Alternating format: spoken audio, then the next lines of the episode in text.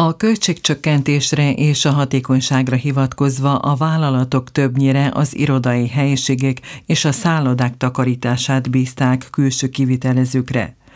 A takarítással foglalkozó vállalkozások szinte gombamút szaporodtak, az alkalmazottak pedig egyre rosszabb helyzetbe kerültek. A szlovén vendéglátó és turisztikai dolgozók szakszervezete azt mondja, a dolgozók kizsákmányolása folyamatos. Többnyire takarítónőkről van szó, akiknek a munkáját teljesen elértéktelenítették. Még mindig bruttó 595 euróért dolgoznak. A szakszervezet az elmúlt év utolsó hetében tájékoztatta az illetékes minisztériumot a kiszervezésben dolgozók kíméletlen helyzetéről, most viszont felhívást intézett a kormányhoz, valamint a népjóléti és a gazdasági miniszterhez. A szakszervezet a Szává Turizm szobalány takarítók helyzetére figyelmeztet a Bernardin szállodák esetében. 2023. februárjában lejár a szerződés a Szává Turizm és a Samsik Storitve közt, amely a szolgáltatást végezte. A turisztikai társaság most viszont az Activa Csiscsenye Deód választotta kivitelezőként, amely alkalmazná a Bernardin szállodákban még rendszeres munkaviszonyban lévő szabalányokat is. A számszixtorítve így a továbbiakban a Száva Hoteli Blét és a Terme 3000 társaság, tehát a Moravszke Toplicén lévő szállodákban végezni a szolgáltatást.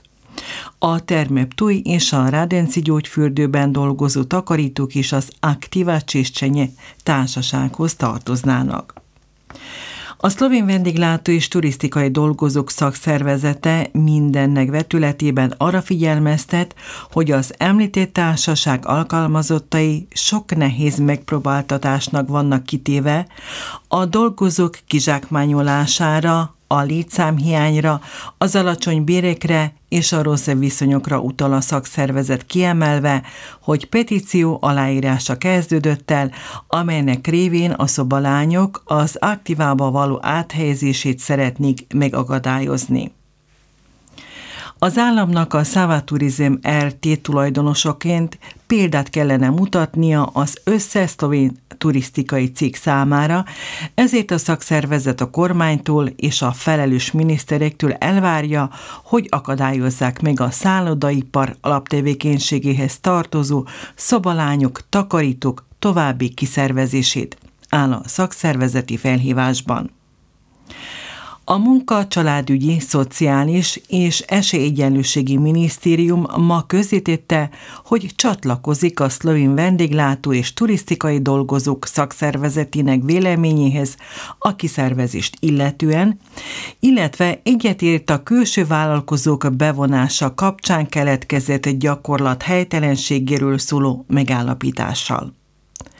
Az ilyen gyakorlat káros kihatással van a munkavállalók szociális biztonságára és anyagi helyzetére. A minisztérium rámutatott a kormánykoalíció 2022-2026-os munkaprogramjába foglaltakra, a prekár munka megszüntetésére vonatkozó célkitűzésre. A programban foglaltak szerint ugyanis a közféra pozitív példaként fog szolgálni, és ott, ahol fennáll a rendszeres munkavégzés rendszeres igénye, megszűnik a kiszervezés. A minisztérium a napokban felszólította a szlovén állami holdingot, hogy a szakszervezet által felvetett konkrét esetben és az összes hasonló esetekben a koalíciós programmal összhangban lásson hozzá a probléma megoldásához. Egyben figyelmeztet az emberi jogok tiszteletben tartására, és a munkaviszonyok megfelelő rendezésére a jövőben a rossz, helytelen gyakorlatok kikerülésének érdekében.